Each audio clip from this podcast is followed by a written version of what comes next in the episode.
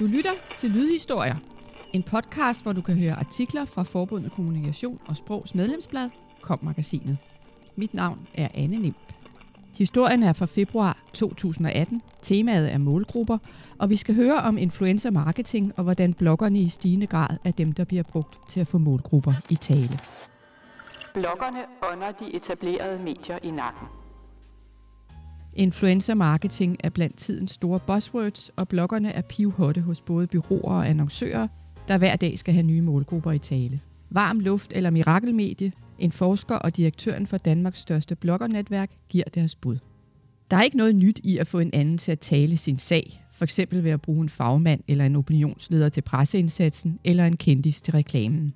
Der er heller ikke noget nyt i at bruge helt almindelige mennesker til at bringe budskabet videre.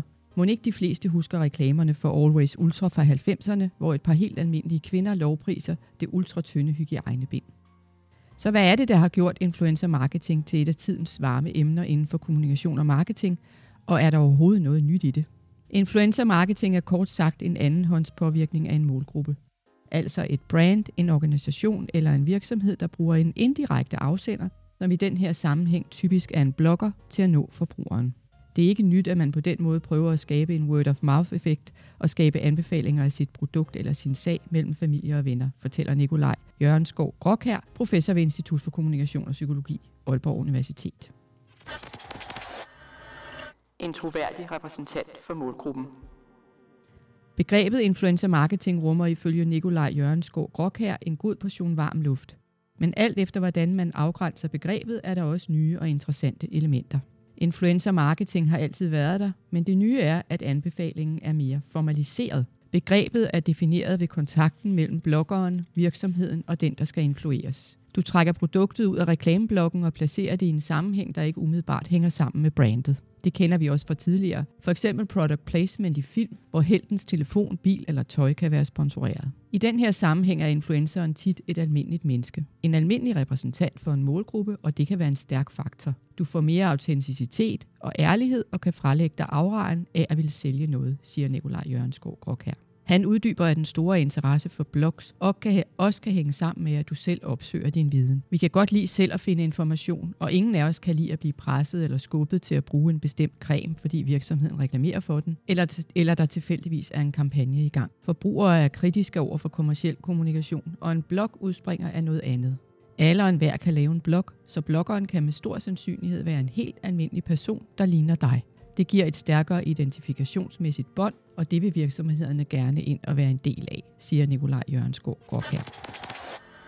Nemmere at måle. Han forklarer, at begrebet er en del af en større tendens i mediebilledet, hvor marketing i højere grad er baseret på social kommunikation end på markedskommunikation. Du er selv sagt mere tilbøjelig til at følge en anbefaling fra venner og familie eller en blog, du selv har valgt at læse med på, end et tilfældigt brand, du ser på tv på vej ud efter kaffe. Men det er ikke kun troværdigheden, der har etableret den sociale kommunikation. Den er også nemmere at måle. Man kan kigge på sociale medier og se på reaktioner og den umiddelbare respons, og det er nemmere at følge forbrugerens spor på de sociale medier. Du får en tydelig feedback, hvis forbrugeren lader sig engagere, kommentere, deler indholdet eller følger et link. Forbrugeren bliver potentielt en influencer i tredje led. Det kan den traditionelle massekommunikation ikke hamle op med. Hvis du for eksempel betaler for at annoncere på tv eller i de store dagblade, hvor mange har så rent faktisk set din reklame, og hvis du sælger mere om lørdagen, hænger det så sammen med din annoncering? Social kommunikation er målbar i en helt anden skala end traditionel massekommunikation, siger Nikolaj Jørgenskov Grok her. Fra tilfældige sponsorater til etableret forretning.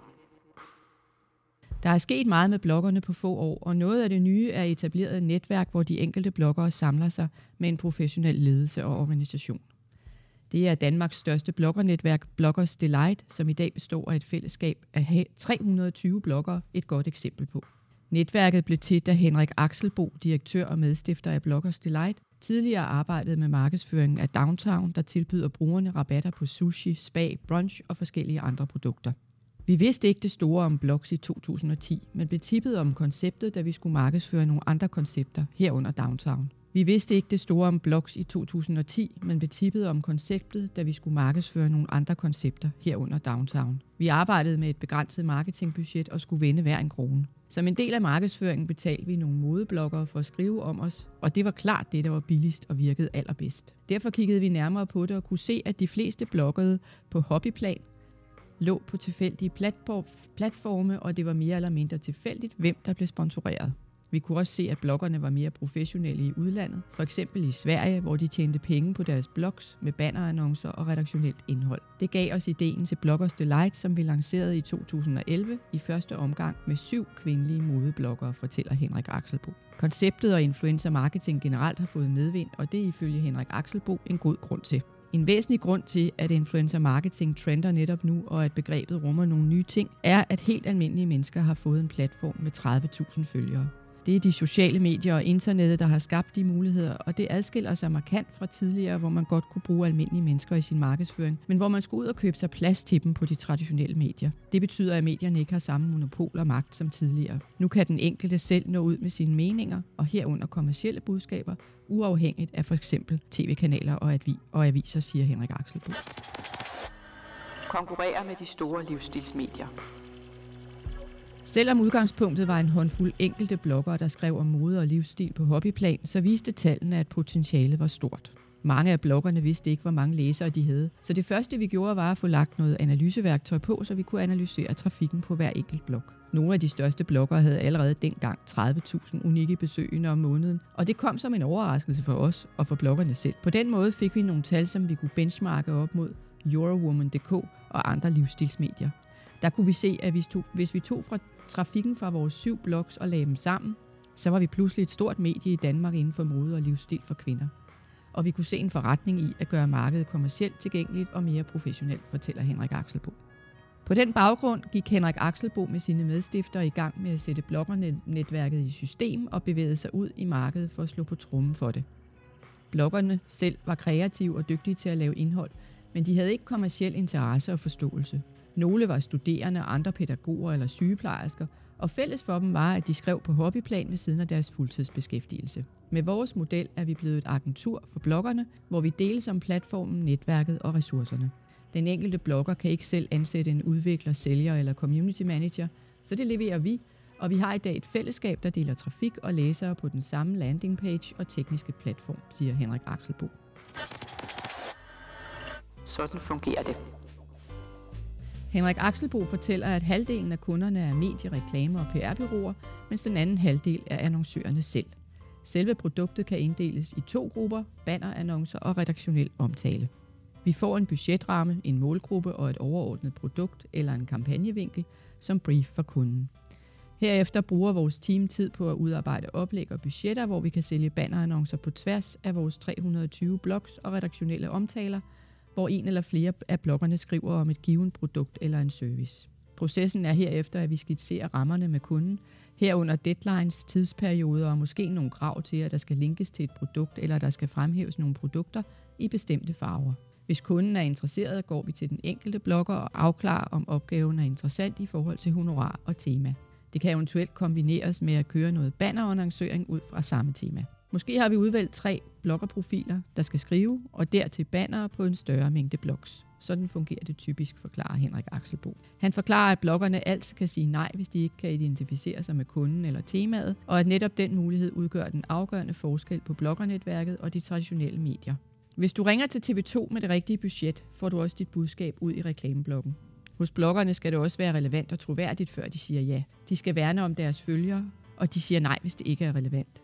Det er vores opgave at forventningsafstemme med kunden, og vi har et stort team af account managers til det samme. Nogle produkter er nemmere at vinkle redaktionelt. For eksempel er flotte møbler nemmere at omtale, hvis du i forvejen blogger om boligindretning. Hvis kunden er en bank, er koblingen til en modeblog ikke lige så oplagt. Så skal du ikke skrive om tekniske lånetyper og nørdede produkter. Men følgerne på en modeblog er også potentielle kunder i en bank, så hvis din målgruppe er yngre kvinder, kan du måske vinkle historien redaktionelt og lave noget storytelling på en anden måde, så det indgår naturligt i bloggerens univers. En modeblogger kunne for eksempel godt skrive en interessant shoppingguide, hvor han eller hun bruger et kreditkort eller service fra den givende bank, afslutter Henrik Axelbro. Du hørte Lydhistorier, en podcast fra Forbundet Kommunikation og Sprog. Du kan høre flere historier som denne på komsprog.dk eller i din podcast-app. Lydhistorier er indtalt af Anne Lim, produceret af Mikkel Winter og udgivet af Kommunikation og Sprog.